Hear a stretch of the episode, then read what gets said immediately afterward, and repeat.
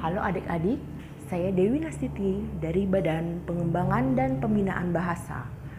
Saya akan bercerita mengenai cerita anak yang berasal dari Papua. Program ini diselenggarakan oleh AWCPH UI.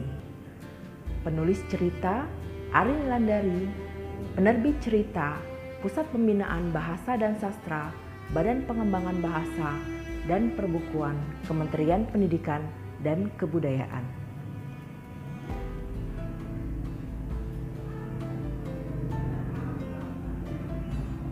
Tapa Cerita Magai Bapak dan Mama rajin tapa. Tapa adalah kertas tradisional dari kulit kayu. Magai mengumpulkan tapa yang tidak layak jual ini robek, ini terlalu tipis, ini bolong. Mama suka bercerita. Magai menggambarkan cerita mama pada tapanya. Magai menamainya tapat cerita. Kegiatan itu selalu membuatnya gembira. Di sekolah ada teman baru dari luar daerah. Enre namanya. Enre sering terlihat murung Magai ingin membuat Andre tersenyum. Mungkin tapa cerita dapat menghiburnya. Andre, lihat, aku punya tapa cerita. Ini legenda Danau Sentani. Magai membuka tapa dan bercerita. Dahulu kala, tanah ini mengalami kekeringan. Dua penduduk desa menemui Raja Gunung. Mereka meminta air ajaib raja memberi mereka sekantong air. Langsung pulang, perintah raja. Akan tetapi, mereka pergi berburu dulu. Kantong air itu robek. Air mengalir keluar, terus, terus, sampai tanah ini terendam.